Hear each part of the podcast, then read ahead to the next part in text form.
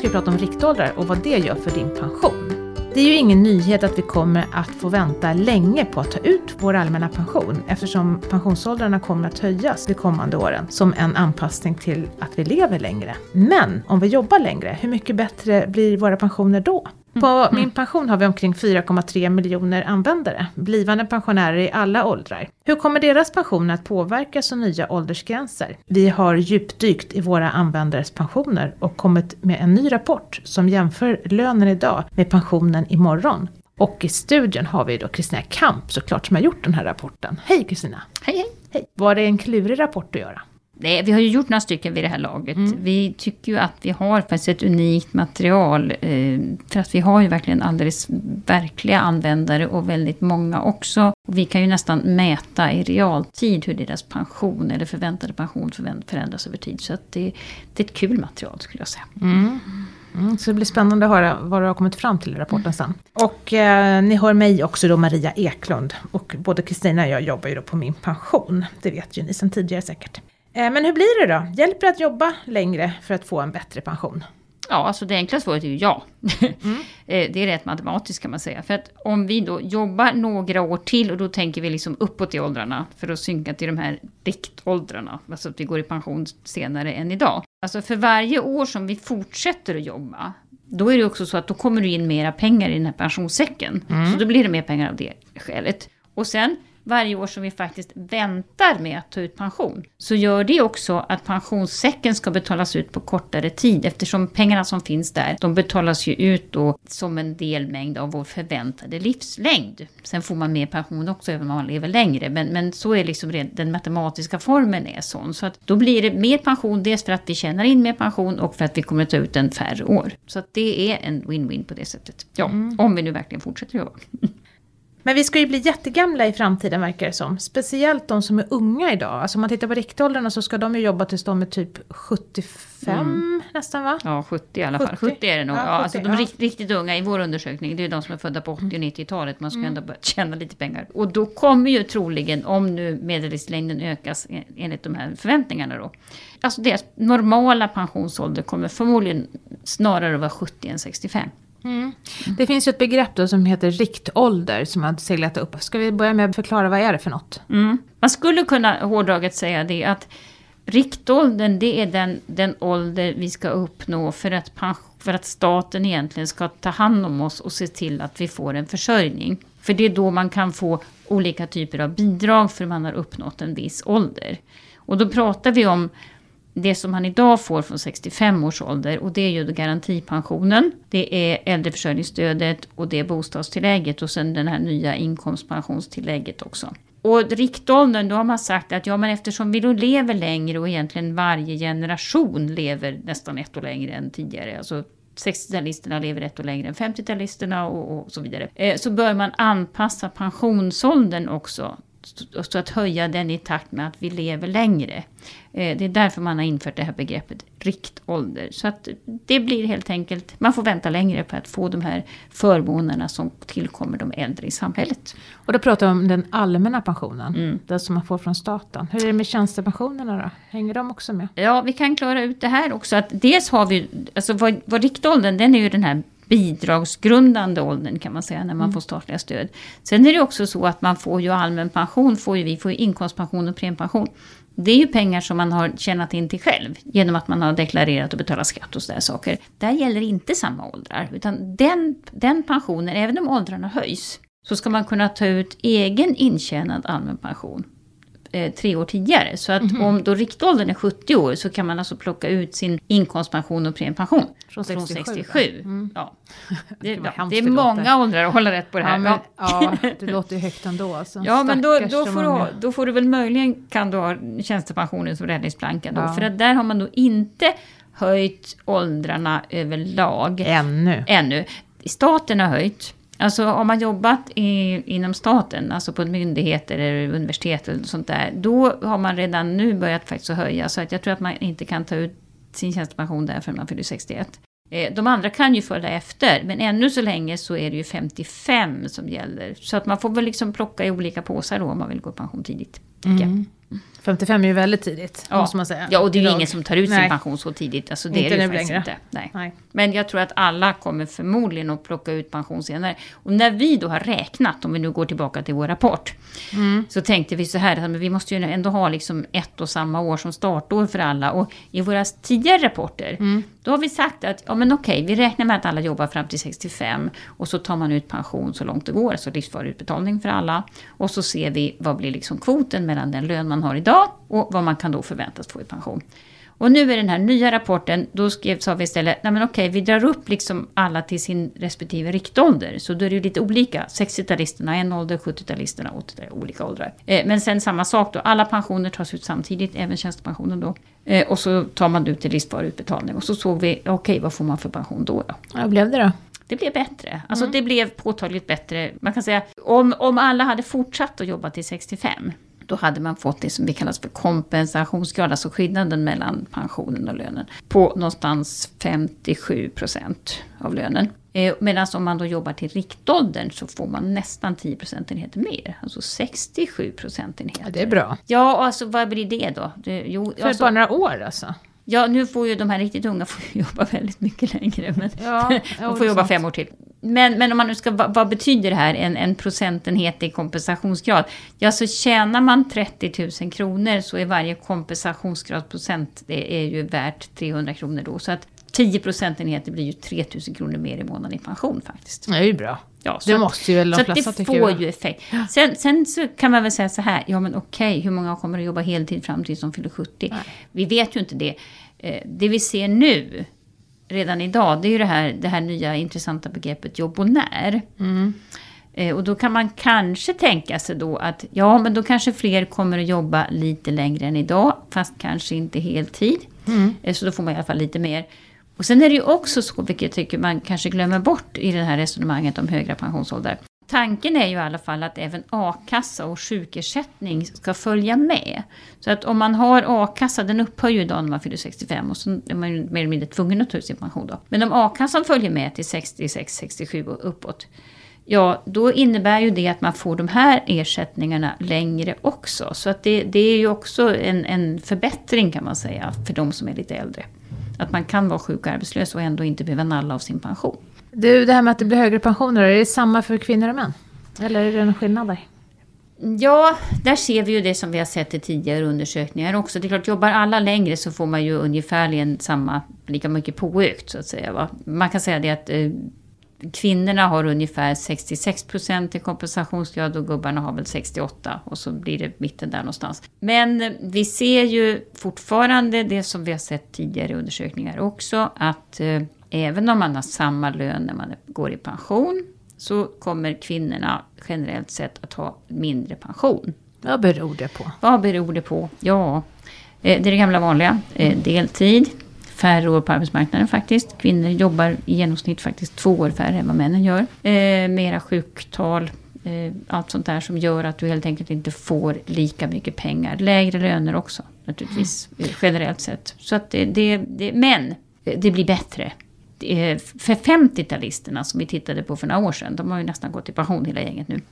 Men där var skillnaden mellan män och kvinnor var faktiskt 5 procentenheter. Och omräknat till de här 300 kronorna då, då, så skulle det alltså vara 1500 kronor i skillnad. Även om man hade samma lön. Va? Så fick kvinnorna 1500 kronor mindre i månaden i pension. Det är mycket pengar. Mycket. Tittar vi på 60 och 70-talisterna så har vi ändå krympt till 3 procent ungefär. Bättre i alla fall. Och tittar vi på 80-talisterna så är det bara en procentenhet. Men det är klart, 80-talisterna, de är alltså mellan 30 och 40 år någonstans nu va? 42 blir det väl, 30, ja. Så det ska ju bli jättespännande att följa dem. Jag tycker liksom, det är nästan det mest spännande av allting. Att följa de här 80-talisterna. Ja, men okej, vad kommer att hända nu med deras pensioner de närmaste åren? Nu har de kanske förhoppningsvis liksom klarat av de här småbarnsåren. Mm, Okej. Det här är liksom de farliga åren kan man säga. Det är då det brukar skilja sig mellan kvinnor och mäns lön och bla bla bla och hur mycket man jobbar och såna här saker. Kvinnorna blir sjukare och det är då alla de här jobbiga grejerna händer. Så har det varit för tidigare generationer. Kommer det här att hända för 80-talisterna? Du, är vi säkra på att de här 80-talisterna fått sina barn? Jag tänker, vi har ju en benägenhet att bli äldre och äldre när Ja. vi bildar familj. Det kanske är så att de, ja, de är just där nu, där, de, där lönerna börjar sticka iväg åt olika håll. Ja, ja kan vara. Men, men ja, 40, ja, det är klart gubbarna får ju pension. Jag tänker ja. sen 80-talister Mm. också, hur gamla är de? Nej, sen 80-talister är bara 32. Eller bara, bara. Ja. Ja. Några barn kanske man fått i Ja. alla fall. Ja, det är spännande. Ja. Väldigt spännande. Och då kan man ju också konstatera att det är liksom inte den sista lönen som avgör vilken pension man får, utan det är hela Ja. livets inkomster Ja. egentligen. Ja. Och det kan man liksom inte, det får man nästan tjata om att det är klart alla år räknas. Och det är mera så för de som är yngre än de som är äldre. I gamla pensioner så hade man ju, liksom, de var ju lite mer förlåtande. Speciellt de här gamla ATP, alltså de här som riktiga gamlingar har. Då, då var det de 15 bästa åren man räknade. Då kunde man ju ha en massa skitår utan att det gjorde någonting. Och så räckte det med 30 år. Men, men nu räknas ju liksom alla år. Och i tjänstepensionerna också faktiskt mer och mer. Så att det, det, man får med sig skitåren, man kommer liksom inte ifrån dem. Faktiskt. De hänger med. De hänger med. Och det är klart att ska man då jobba fler år också. Alltså, nu börjar vi nästan prata om att man ska jobba typ 50 år, inte riktigt, men 45 i alla fall. Det är klart, då är ju liksom risken för att man får dåliga år måste ju per definition då öka. Så att, eh, ja, det, vi får se hur det blir. Men sammantaget så är det ändå så att för varje år man orkar jobba lite till så är ju det ändå bra för pensionen. Det går liksom inte att tjata om det Nej. tillräckligt mycket. Det är en fråga som jag får när jag är ute och träffar våra användare, det får säkert du också. Det är den där liksom att, tror vi verkligen att vi kommer att få leva så mycket längre i framtiden? Har vi liksom pikat? Kommer det vända neråt? Ska jag svara på det? Nej, det behöver du inte göra. Men alltså, vad händer då med, med riktålder och alltihopa? Ja, Kommer men de följa med? Alltså så här är det med riktålder. För det första så är den faktiskt inte klubbad. Nu, vi spelar in det här. Det finns en proposition som väl i princip är färdigskriven att man ska klubba de här riktåldrarna. Men formellt sett så finns de inte än. Men om de nu verkligen blir av så är tanken att man ska fastställa riktåldern i princip sex år innan den inträffar. Så om riktåldern är 67 så ska man fastställa din riktålder när du är 61. Och då ska man titta på medellivslängden just där och då. Och då så att säga fastställt den slutligen. Jag frågade faktiskt någon gång vad händer om medellivslängden sjunker? Ska man så att säga backa riktåldern då? Eh, jag har inte fått något Du riktigt bra fick svar på inget det. bra svar Nej. Ja, den är ju väldigt intressant. Ja. Och jag förstår att den, att den bubblar där ute, för det är verkligen någonting man undrar över. Speciellt nu efter pandemin och så. Men Ja. nu gjorde, det blev det bara ett hack i kurvan säger de. Men, men ändå, det kan ju hända andra saker som gör att det faktiskt vänder. Visst, visst. Men det finns ju fortfarande en kategori som varken vill eller orkar jobba längre. Liksom. Vad gör man med dem då? Ja, vad gör man med dem?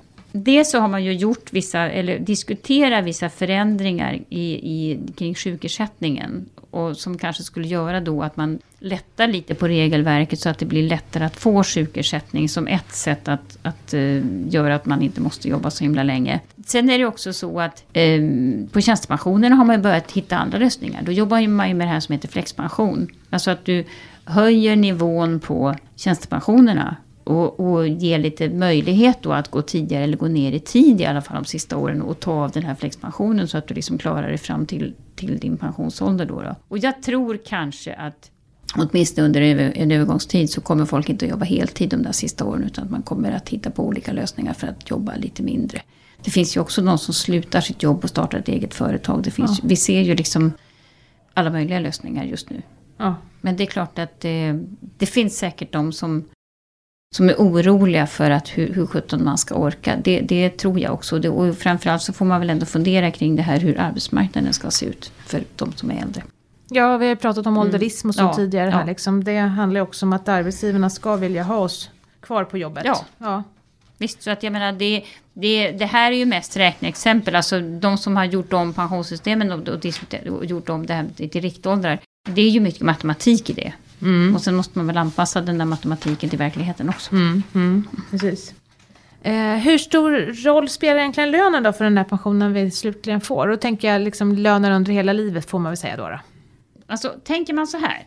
Om alla har tjänstepension, då kan man säga att då, den här kompensationsgraden, det vill säga pensionen som en del av pension, alltså i procent av lönen, den blir ungefär densamma för de olika grupperna. Alltså det spelar ingen roll om du har låg lön eller, eller hög lön, du får liksom ungefär samma kompensationsgrad ändå. Det som skiljer sig åt, det är ju då att den som har ganska låg lön, den får ju väldigt stor del av sin pension från inkomstpensionen, alltså den allmänna pensionen. Medan den som har väldigt hög lön, då är det nästan bara tjänstepension, eller väldigt mycket tjänstepension. Så det vill ju till att man har den där tjänstepensionen då.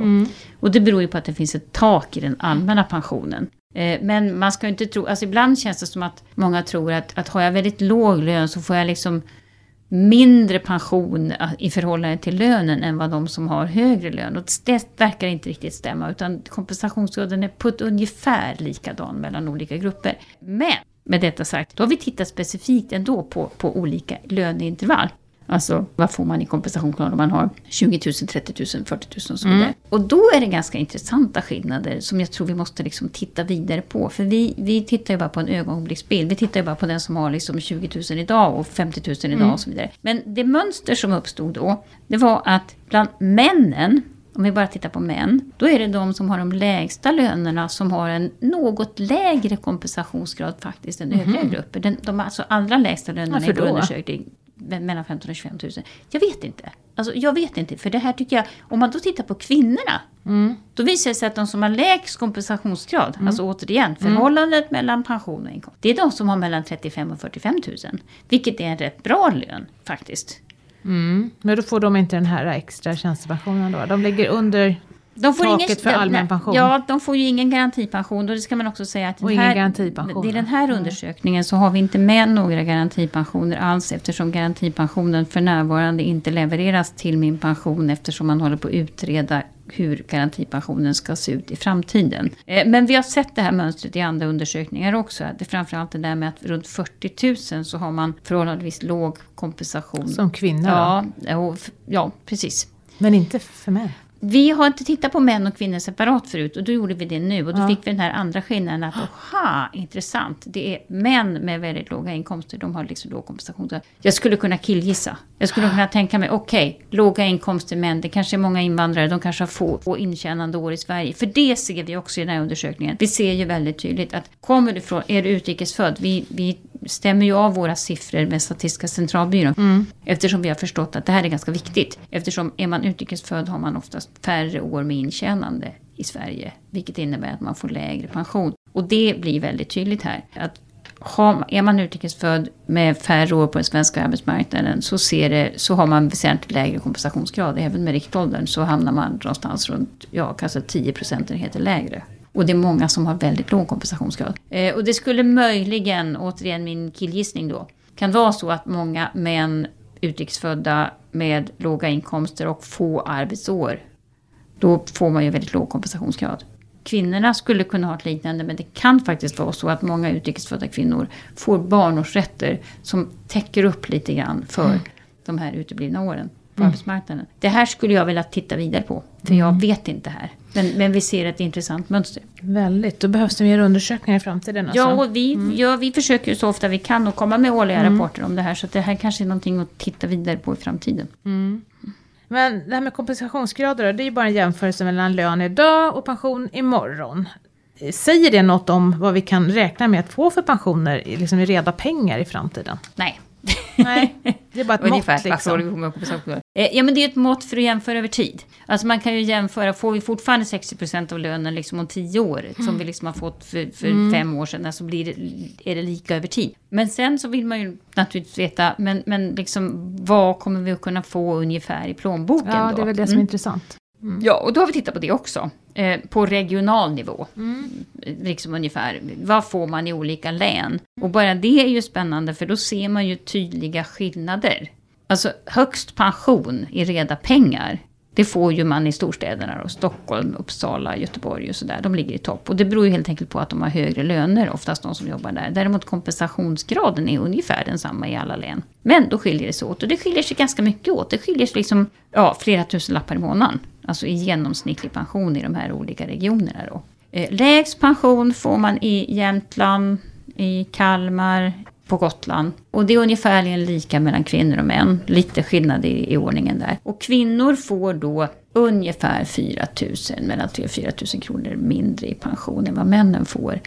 Men skillnaderna minskar jämfört med tidigare generation. För man pratar ju idag om att, att skillnaden mellan män och kvinnor är ju mellan 6-7 tusen i månaden. Och nu är vi liksom nere på 4 och kanske lägre än så. Så det börjar ljusna även fast det är fortfarande rätt det är lite kvar. Gryning. Ja, det är lite grinigt sådär. Men, Gryning, men ja. jag skulle vilja säga att det, det är faktiskt större skillnader mellan olika regioner. Pensionärer på Gotland och Kalmar och Jämtland, båda könen, är väsentligt fattigare än pensionärer båda könen i Stockholm och Göteborg. Vad beror det på då? Vad tror du? Det är Löner. också en killgissning här. Löner, löner, löner, löner. Löner, löner. Varför har Ja. de lägre löner på Gotland? Ja, säg det. Det kan man först. Men, men det kan också vara så att du har mera egenföretagare och såna här saker som ju liksom kanske får sina pensioner från andra håll. Man kanske avvecklar firman eller man har en jordbruksfastighet. Eller, det är också sånt man borde vilja veta mer om. Så det roligaste med sådana här undersökningar är oftast att det, det ger liksom upphov till en massa andra undersökningar. Vi har ju gjort de här undersökningarna i fem års tid. Under den tiden har ju min pensionsanvändarantal ökat med två miljoner. Ja, det är inte klokt. Så att det är ju liksom fler och fler att titta på också. Ja, och det är fler, faktiskt fler och fler yngre,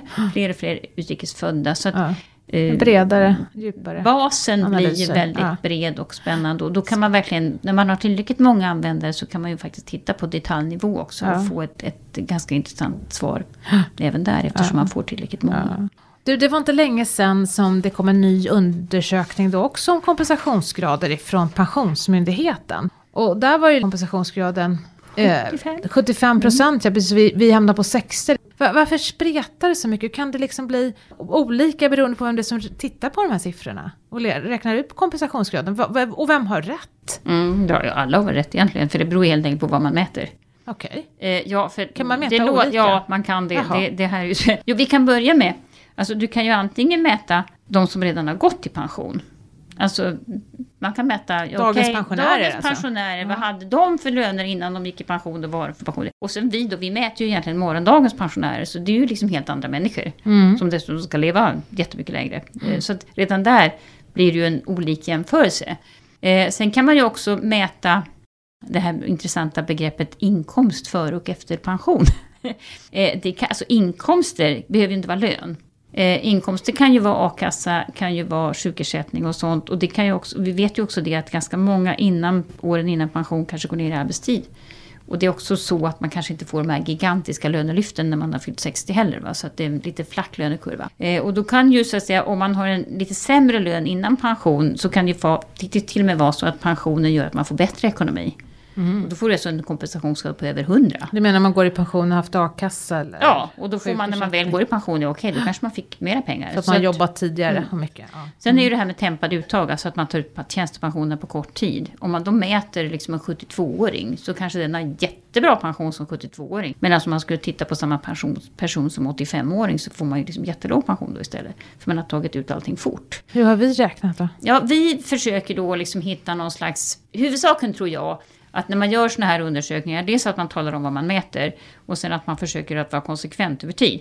Eh, och vi, när vi började med de här undersökningarna så sa vi att, ja men okej, vad är det man vill veta då när man liksom är mitt i livet och man vill veta ungefär vad får jag för pension?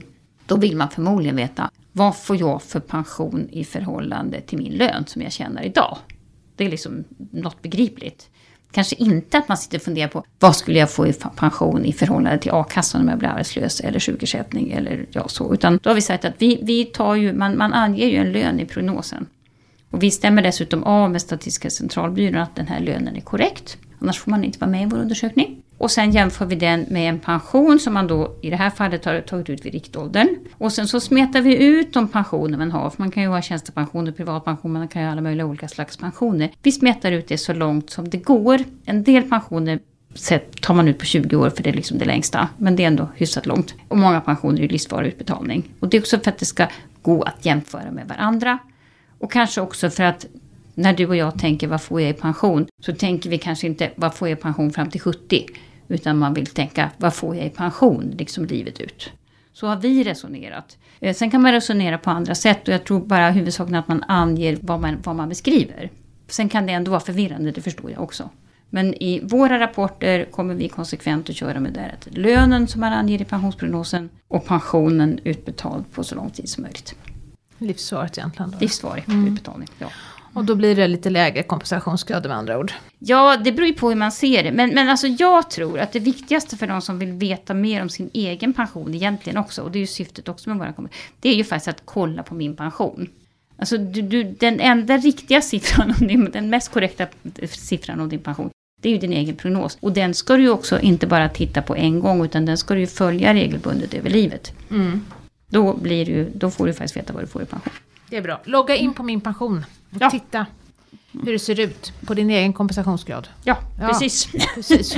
Och då kan ju den variera över tid också faktiskt. Hur tänker du nu? Ja, men jag tänker om du går ner i deltid innan Ja. pensionen, Mm. då får du en jättehög kompensationsgrad. det Och medans- ja. och det är det också, kan ju vara lockande.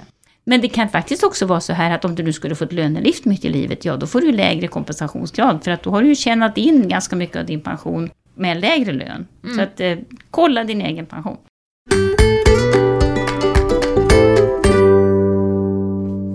Har vi kommit fram till dagens fråga. Och eh, i jämställdhetens namn får vi säga då, då, så undrar Ove om det fortfarande är så att det bara är kvinnor som får pension efter sina män, alltså när, när männen dör då. Mm, änkepension typ. Änkepension. typ. Mm. Änkepension, det är spännande för änkepension finns egentligen inte längre. Mm. Jag brukar berätta den här historien om att eh, tittar man på eh, antalet giftermål över tid så kan man se att 1989 så verkar det som att hela Sverige gifte sig alla på en gång. En jättehög stapel.